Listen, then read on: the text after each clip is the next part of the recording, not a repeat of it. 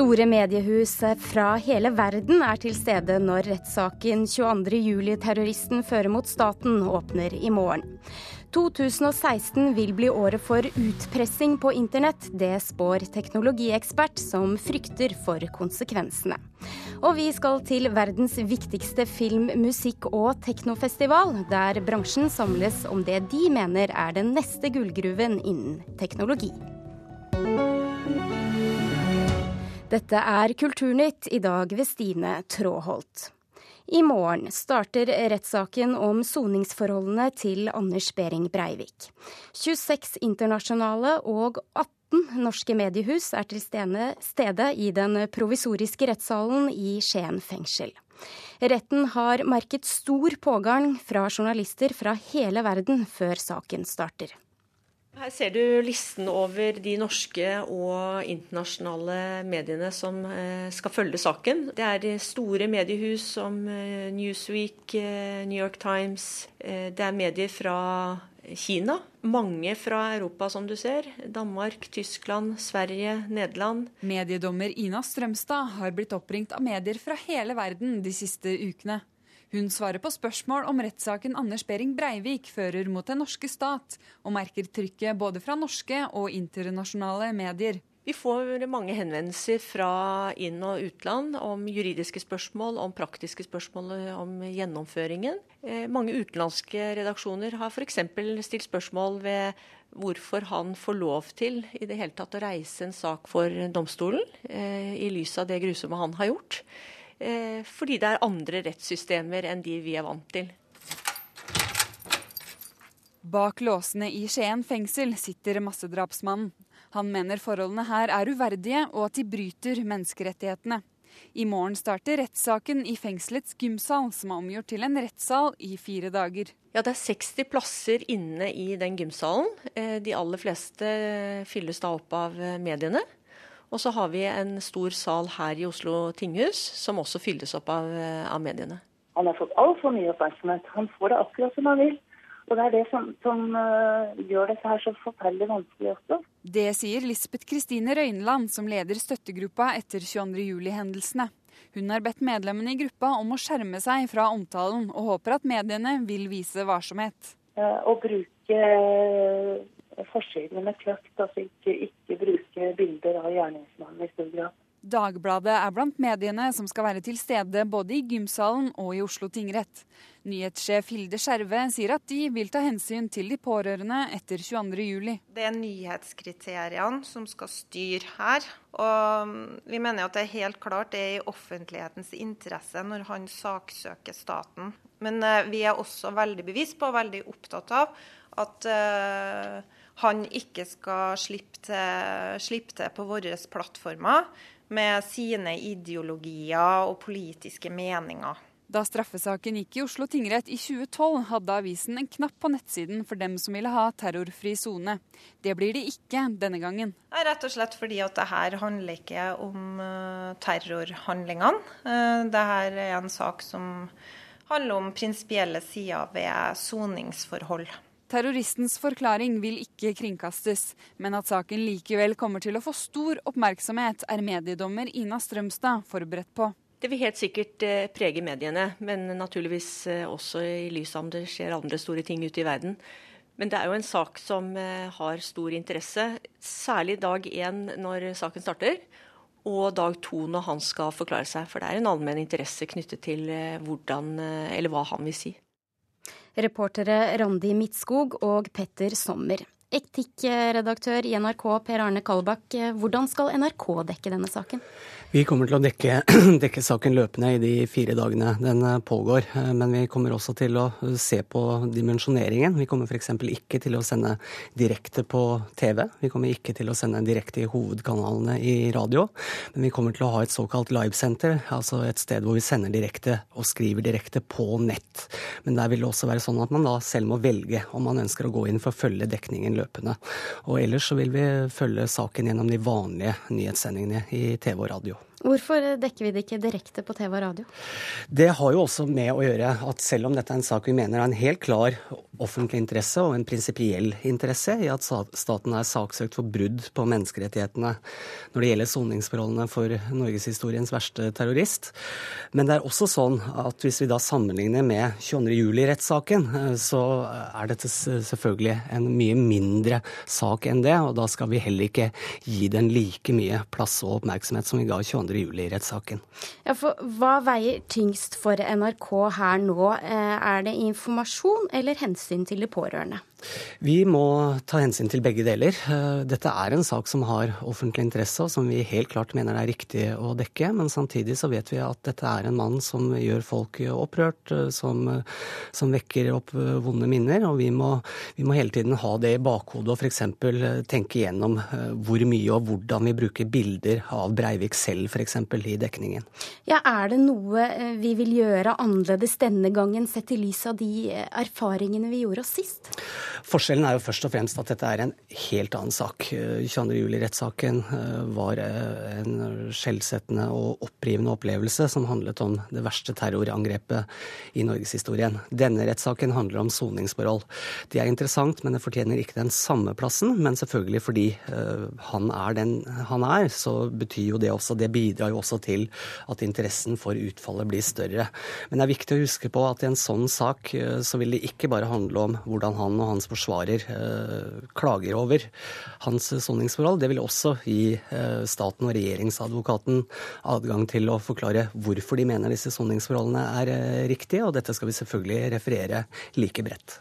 Tusen takk, etikkredaktør i NRK, Per Arne Kalbakk.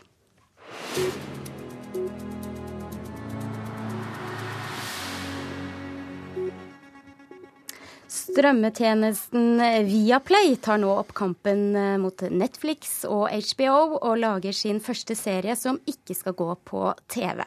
Og hva slags serie er dette, reporter Thomas Alverstein Ove?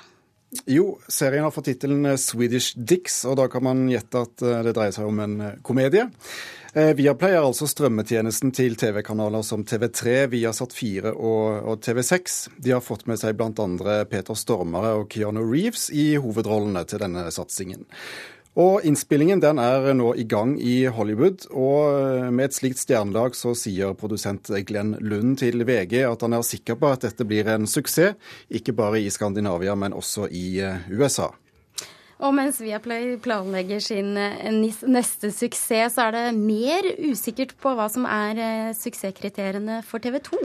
Ja, for nå jobber politikerne med, med en uh, mulig løsning for, om statsstøtte for uh, TV 2. For TV 2 har enkelte forpliktelser som de vil ha betalt for. I den forbindelse så i, altså Det dreier seg om allmennkringkastingsmeldingen. Der har TV 2 selv anslått at det koster mellom 318 og 445 millioner kroner å lage dette ekstratilbudet som politikerne ønsker, men nå har eh, Oslo Economics gått gjennom tallene i en såkalt kvalitetssikring. Det skriver Dagsavisen i dag. Og de konkluderer at kostnadene er overdrevet. Det er slett ikke sikkert at dette er penger TV 2 kunne puttet rett i lommen, i stedet for å bruke dem på å være allmennkringkaster med enkelte forpliktelser.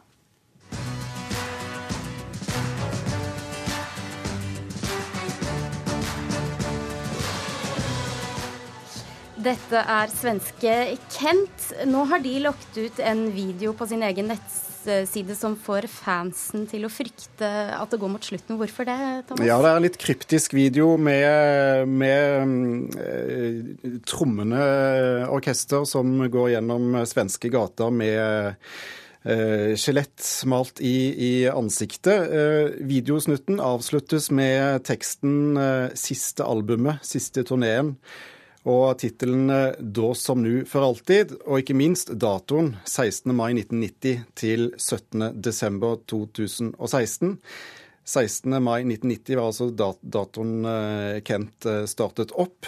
Og eh, ifølge Dagbladet nå så er fansen svært urolig for at dette betyr slutten for det populære svenske bandet. Det får vi følge med og se etter. Takk skal du ha, reporter Thomas Alvarstein Ove. I'm looking for someone other than my wife. other than my wife. Ashley Madison's right. I'm looking for someone other ja, dette er av alle ting en reklame for nettstedet Ashley Madison, eh, hvor gifte menn og kvinner kan eh, finne noen å være utro med. Og da dette nettstedet ble hacket i fjor, så kom persondata til millioner av folk som har brukt eh, stedet på avveie. Og konsekvensene de ble dramatiske og alvorlige. Folk mistet jobben, familien, venner, og noen tok til og med sitt eget liv. Og det er slike skandaler vi kan komme til å se mer av i 2016, ifølge selskapet Trend Mikro. Hvorfor det, kommunikasjonsrådgiver Hans Petter Nygaard Hansen? Det er mange årsaker til det. Eh, en av årsakene er jo at vi nå begynner å nærme oss 3,5 milliarder mennesker som er tilkoblet nettet. Eh, snart er alle nordmenn tilkoblet nettet, og vi er tilkoblet nettet med flere og flere enheter. Eh, og vi deler mer og mer av vårt daglige liv online. Så det er store muligheter for hackere, skruppelløse mennesker og organisasjoner til å skaffe seg informasjon som de kan bruke mot oss. Og hvordan vil de nå jobbe framover? Eh, på mange måter. Man har liksom de tradisjonelle som vi mange av oss husker, som eh, Nigeria, e-poster osv. Vi snakker om industrispionasje, eh, hvor man da samler inn data som kanskje blir solgt til konkurrerende virksomheter. Personinformasjon, slik som Ashley Matherson-eksempelet. Og for så vidt også da data som blir holdt i fangenskap av organisasjoner som da krever løsepenger for å gi dataene tilbake, slik vi også har hatt tilfelle av i Norge med enkelte hoteller f.eks., som da mister tilgang tilgangen til sitt, eh, sitt kunderegister osv. Ja, hvem er disse hackerne? Uh, alle undersøkelser peker i retning av Russland som et av de landene som har mange hackere. Og det er da i utgangspunktet dyktige, uh, kanskje var en dag også snille uh, dataingeniører, som er nærmest da presset, kan du si, rent sånn økonomisk, til å skaffe seg et levebrød. Og det vi i hvert fall leser også, er at den russiske mafiaen står ofte da med åpne armer og ønsker de velkommen til å og sånn sett da bidra til denne økonomiske kriminaliteten. Og hva kan vi eh, gjøre da for å beskytte oss mot dette? Én uh, ting er jo å skaffe seg oversikt over liksom hvilke enheter er det som er tilkoblet nettet. Det, det er ikke alle som, uh, som er klar over. Uh, en annen ting er rett og slett å bli litt mer paranoid, litt mindre naiv. vi lever fortsatt i en hverdag hvor de aller fleste av oss går rundt og tenker på at det kommer ikke til å angå meg, men alle i dag som er på nett, og det gjelder jo nesten alle, har et eller annet å miste. Og det de har å miste, det er de også da potensielt villige til å betale for å få tilbake. Så alle må være litt mer varsom, kanskje litt mer kritisk til hvilke lenker de klikker på i en e-post, hvilke eh, vedlegg de ønsker å åpne, til og med nettsteder de kanskje ikke kjenner godt nok til. Tør de å handle der? Eh, applikasjoner som man laster ned på mobilen, er de sikre nok? Kjenner vi til eh, avsender osv.? Så, videre. så vær litt mer kritisk eh, og litt mindre naiv, rett og slett. Men frykter du, dette er jo et godt råd til folk nå da fra deg, frykter du likevel at det ikke vil bli tatt hensyn til når du ser utviklingen sånn som det gjør? Er, eh, det er store grunner til å frykte det, fordi vi har snakket om denne form for sikkerhetsrisiko, eller risiko, i mange år nå eh, framover. Vi, vi, vet jo bl.a. at kun halvparten av nordmenn har til og med eh, valgt å ikke sikre mobilen sin med altså alt fra liksom fire til eh, flere tall og bokstaver. Så vi, vi er nok litt godtroende. Mange av oss låser fortsatt ikke døren hjemme ikke sant? og håper at vi bor i et såpass trygt og, og, og flott samfunn. Men på nettet så, så, er det globale spilleregler som gjelder, og da bør vi være litt uh, varsomme. Tusen takk for at du kom til Kulturnytt, eh, Hans Petter Nygaard Hansen. Og du hører altså på Kulturnytt, og klokken er nå 16 eh, minutter over åtte. Og dette er hovedsakene denne nyhetsmorgenen. Ingen har foreløpig sagt at de sto bak selvmordsangrepet i Ankara i går, som krevde 30 menneskeliv. Det var det tredje store terrorangrepet i Ankara på fem måneder. Utenriksdepartementet mener Utlendingsdirektoratet undergraver Etiopias bekjempelse av barnebruder. Årsaken er at UDI har godkjent et ekteskap selv om jenta var kun 15 år da det ble inngått. Det skriver Vårt Land. Og flere kjøreskoler samarbeider med kriminelle nettverk om juks på førerprøven. I helgen så har 30 000 personer samlet seg i Austin, Texas. Alle for å få med seg alt fra siste nytt om kunstig intelligens og en åpningstale av president Barack Obama. Alt skjer på musikk-, film- og teknologifestivalen South by Southwest, og der befinner du deg, teknologijournalist i NRK Beta, Ståle Gruth. Slik jeg forstår det, så har særlig virtuell virkelighet preget festivalen, Ståle? Altså, I hovedsak så er det, er det nå teknologien som har blitt så rimelig og tilgjengelig, bl.a. gjennom uh, at vi kan uh, putte mobiltelefon i enten en pappbrille eller en litt mer robust konstruksjon av plast, og, og spenne den fast foran øynene våre, og dermed muligheten til å, til å bli tatt inn i en, en sånn virtuell virkelighet, da, hvor du kan se film eller spille spill eller masse sånne ting. Eh, så det her er på en måte nøkkelen til en ny, ny form for, eh, for, mediekonsum, som det virker som eh, stort sett hele teknologibransjen stimler til, for, fordi man tror at det her er, det, det nye. Ja, og det er det nye, men det har vært snakket om en stund. Er det noen grunn til å tro at det kommer for fullt nå? Altså Her kan det egentlig virke sånn, for det er, det er veldig utbredt. Eh, men det, det, vil jo gjenstå å se selvfølgelig om, om, publikum egentlig ønsker det her. Og, og, og, sånn som jeg ser det, så er en, en uh, veldig mye fokus på, på, teknologien, og at det her nå er, er mulig å, å, få til med et ganske OK resultat. Men uh, innholdet er det liksom ikke helt uh, enighet om hvordan skal fungere. Og det, det, er ikke så mange som har knekt koden for, for god historiefortelling inn, inni denne brillene. og det, det, er absolutt noe som er nødt til å komme på plass før det, før det vil bli grunn til å bruke det for, for alle sammen. Ja, Er det noe nytt som har overrasket deg på noen måte? Eh, utbredelsen av kunstig intelligens er jo en, eh, en åpenbar ting. Det virker som det blir, blir, stadig mer av det her. Jeg så en robot i dag som de kaller Sophia, som er på en måte en fungerende vant av en robot mange kanskje så i filmen Ex Machina, som eh, kom i fjor.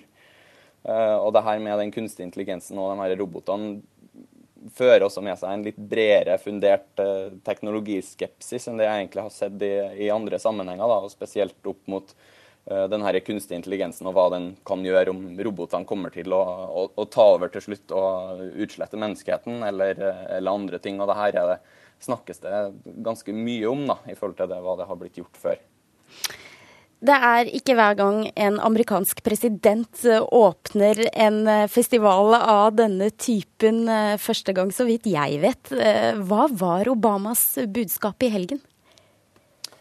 Altså, Obama er en teknologioptimist og, og ønsker på en måte å, å aktivisere innovasjon og, og ja, ingeniører og alt som kan krype og gå for å bruke teknologien for å slik at eh, økonomien i USA skal få et eh, oppsving. Da.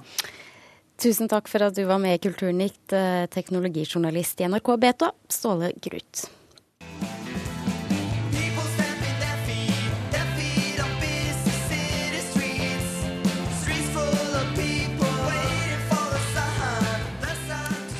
Det er ikke bare teknologi som står i sentrum på South by Southwest. Eh, like fullt, og kanskje vel så viktig, så er det blitt en arena for nye og lovende band. Eh, også norske band er på vei til festivalen. Hvem er det vi hører her, musikkjournalist eh, Daniel Eriksen? Her hører vi bandet med det spenstige navnet Death by Unga Bunga. De skal til South by Southwest i år som eh, et av flere norske band. Vi, vi, hadde egentlig tenkt å ha de med her i studio, men eh, de skulle ta flyet akkurat når vi skulle ha sending, så jeg snakka litt med de tidligere. Da. Vi kan høre på det. Du, akkurat nå så har vi jo løpt, løpt inn en uhorvelig mengde med folk på Gardermoen akkurat nå, så det var litt heftig med kø. Men nå, eh, nå har vi fått, uh, fått, ned pulsen, og så skal vi uh, fly til Brussel før vi kommer oss over til Statene. Dere skal til South by Southwest. Hva skal dere der? Nei, vi skal spille rock, da, vet du. Og ja, vinne over noen hjerter. Hvem, hvem, hvor, hvorfor drar dere liksom helt, til, helt, til, Texas for å spille bak denne festivalen? Folk er vel kanskje litt mer glad i rock i, i, i utlandet enn man er i Norge. Så da må vi outsource, da, vet du. Dere var der i fjor. Hva fikk dere ut av det? litt diverse. Jeg har jo fått gitt ut plate i, i landet nå, så det har jo litt med det å gjøre, selvfølgelig. Ja, Hva kan det bety for uh, Death by Unga Bunga og andre norske band som deltar på Soft by Softwest? Det kan bety veldig veldig mye hvis man får maks uttelling på hele opplegget. Nå, nå hører vi jo at uh, Death by Unga Bunga har ganske de er ganske avbalansert forhold til hele turen, men eh, det er litt mer sånn de, de typene de er. Eh, men det kommer an på hvem som kommer på konsertene, og hvem man møter på disse showcase-festivaler. Og da ligger mye av jobben eh, i forkant og har satt opp mye av avtaler. Jeg vet at de har med seg et team fra plateselskapet sitt, så de kommer nok til å prøve å få maks ut av det. Med å få flest mulig folk som de vil skal se konserten, til å se konserten. Hvis du googler South by Southwest, så kommer det opp liksom verdens eh, hotteste musikk-, eh, film- og teknofestival eh, der hipsterne går. Hvordan hadde de klart å få seg den posisjonen, Daniel Eriksen? De har holdt på, de har hatt et veldig langt liv til å være musikkfestival. Festivalen er fra 1987 og har vokst seg stadig større og større og større. Um, og har blitt nå veldig, veldig stor. Hvis du f.eks. sammenligner med Bylarm, som er en annen sånn showcase-festival, så har Bylarm 21 scener, mens South by Southwest har 107 scener og godt over 2000 band, der de fleste kunstformer er representert. Og så får jeg høre, jeg har ikke vært der ennå, men jeg har fått høre alle som har vært der, at det er en sånn egen veldig god, hyggelig stemning gjennom hele denne festivalen. Så den er veldig, veldig populær. Men er det ikke da lett å tenke seg at et lite norsk band bare vil drukne i denne store mengden? Jo, kanskje litt eh, når publikummet er såpass stort det er, og, og at man i de senere år har fått med litt større artister enn bare unge lovende. Eh, men den styrken til festivalen uh, ligger i størrelsen. Det når det er så mange som kommer dit, så er det mange som kommer dit kun for å se f.eks. country. Og da får vi håpe at de som kommer for å se psykedelisk pop, de går inn og ser Despa Unga Bunga. Og er det noen andre norske band som kommer til å delta i år? Ja, ifølge Music Norway så er det elleve norske band eh, som skal delta i år. Blant annet er alle sjangre representert. Eh, blant annet ved Electric Eye, som er litt sånn psykete, og OK Kaja som er litt roligere. Og så selvfølgelig den nye stjerna vår, som akkurat ble booka til en svær festival i Europa, Aurora. Aurora. Tusen takk for at du uh, fortalte oss litt om South by Southwest, musikkjournalist eh, Daniel Eriksen.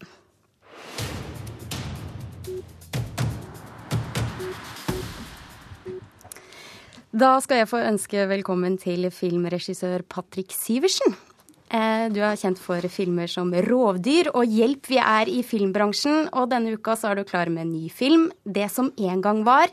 Den handler om to venninner som eh, vokser fra hverandre. Aller først, la oss høre et lite klipp fra filmen. Du er gift, ja? Jeg regna med det. Er du lykkelig? Ja. Skal dere være sammen for alltid? Ja. Så fint. Så fint. Det skal vi gjøre. Vi er, vi er ikke lesbiske, men vi skal være sammen for alltid. Sånn det. Patrick Syversen, nok en film laget på lavt budsjett, uten støtte fra det offentlige. Hva motiverer deg? Det er vel egentlig bare et uh dypt behov for å formidle eller fortelle historier. Jeg tror vel det er vel det svaret fleste filmskapere gir. Eh, og så er det noe med det at eh, det tar lang tid å få støtte til prosjekter. Det tar lang tid å utvikle de. Og hvis man som filmskaper skal holde seg noenlunde oppegående, holdt jeg på å si, så må man være produktiv også, da, mener jeg. Så eh, jeg forsøker heller å være kreativ og finne måter å lage filmer på eh, hvis det tar lang tid innenfor støttesystemet. Ja, hva er din da dine gode råd for å klare å få det til? Eh, jeg tror det er en kombinasjon av eh, jeg har disse prosjektene gående som tar lengre tid å finansiere, eh, og som eh, ofte tar den tiden det tar. Fire til fem, seks år. Ved siden av så eh, gjør jeg reklamefilmer og den slags, og overskuddet, rent sånn kreativt, da, kan gå til å gjøre prosjekter som er kanskje litt mindre i skala, med færre involverte, mindre økonomisk risiko, men også da større kreativ frihet. Det er et ganske langt stykke fra skrekkfilmen 'Rovdyr' til det som en gang var, både innholdsmessig og formmessig. Hvorfor havnet du her nå?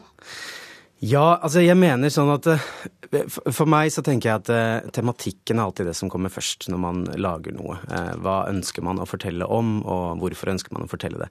Og så kommer formen sekundært. Så det at 'Rovdyr' ble en skrekkfilm, kom jo som følge av at filmen handler om avmakt og dypt, dypt sinne. da ble det en veldig sint film. Dette er en litt mer avbalansert film, som er kanskje litt mer refleksiv, og da, og da ble formen deretter. Ja, for du ønsket nå å lage en film om vennskap. Hvorfor det? Eh, det er en film om vennskap, men det er en film om frykten for forandring, egentlig. Det er en film om de små valgene man tar i hverdagen som egentlig er ganske viktige for en, men som man kanskje ikke forstår alvorsgraden av der og da. Eh, det er noe interessant med mennesker som går på akkord med seg selv, syns jeg. Eh, enten det er i forhold eller i karriere eller hva enn det skulle være. Mennesker som kanskje finner seg i veldig mye som man innerst inne føler at man Jeg vet ikke helt om jeg vil dette her, men jeg vet ikke hvordan jeg skal få sagt ifra.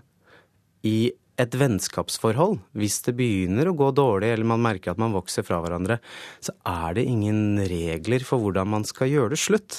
mens, mm. Mens, det er lett å si opp en jobb eller å gå fra en, en, en partner, f.eks., men, et, uh, men det, er ingen, det, er ingen, rammer som kan brytes lett, på lik linje som nå må du pakke sakene dine og dra. Et vennskap så, så krever det mye mer uh, Eh, ja, man, mye større innsats, og det er ofte vanskelig. Og da unngår man konfrontasjon.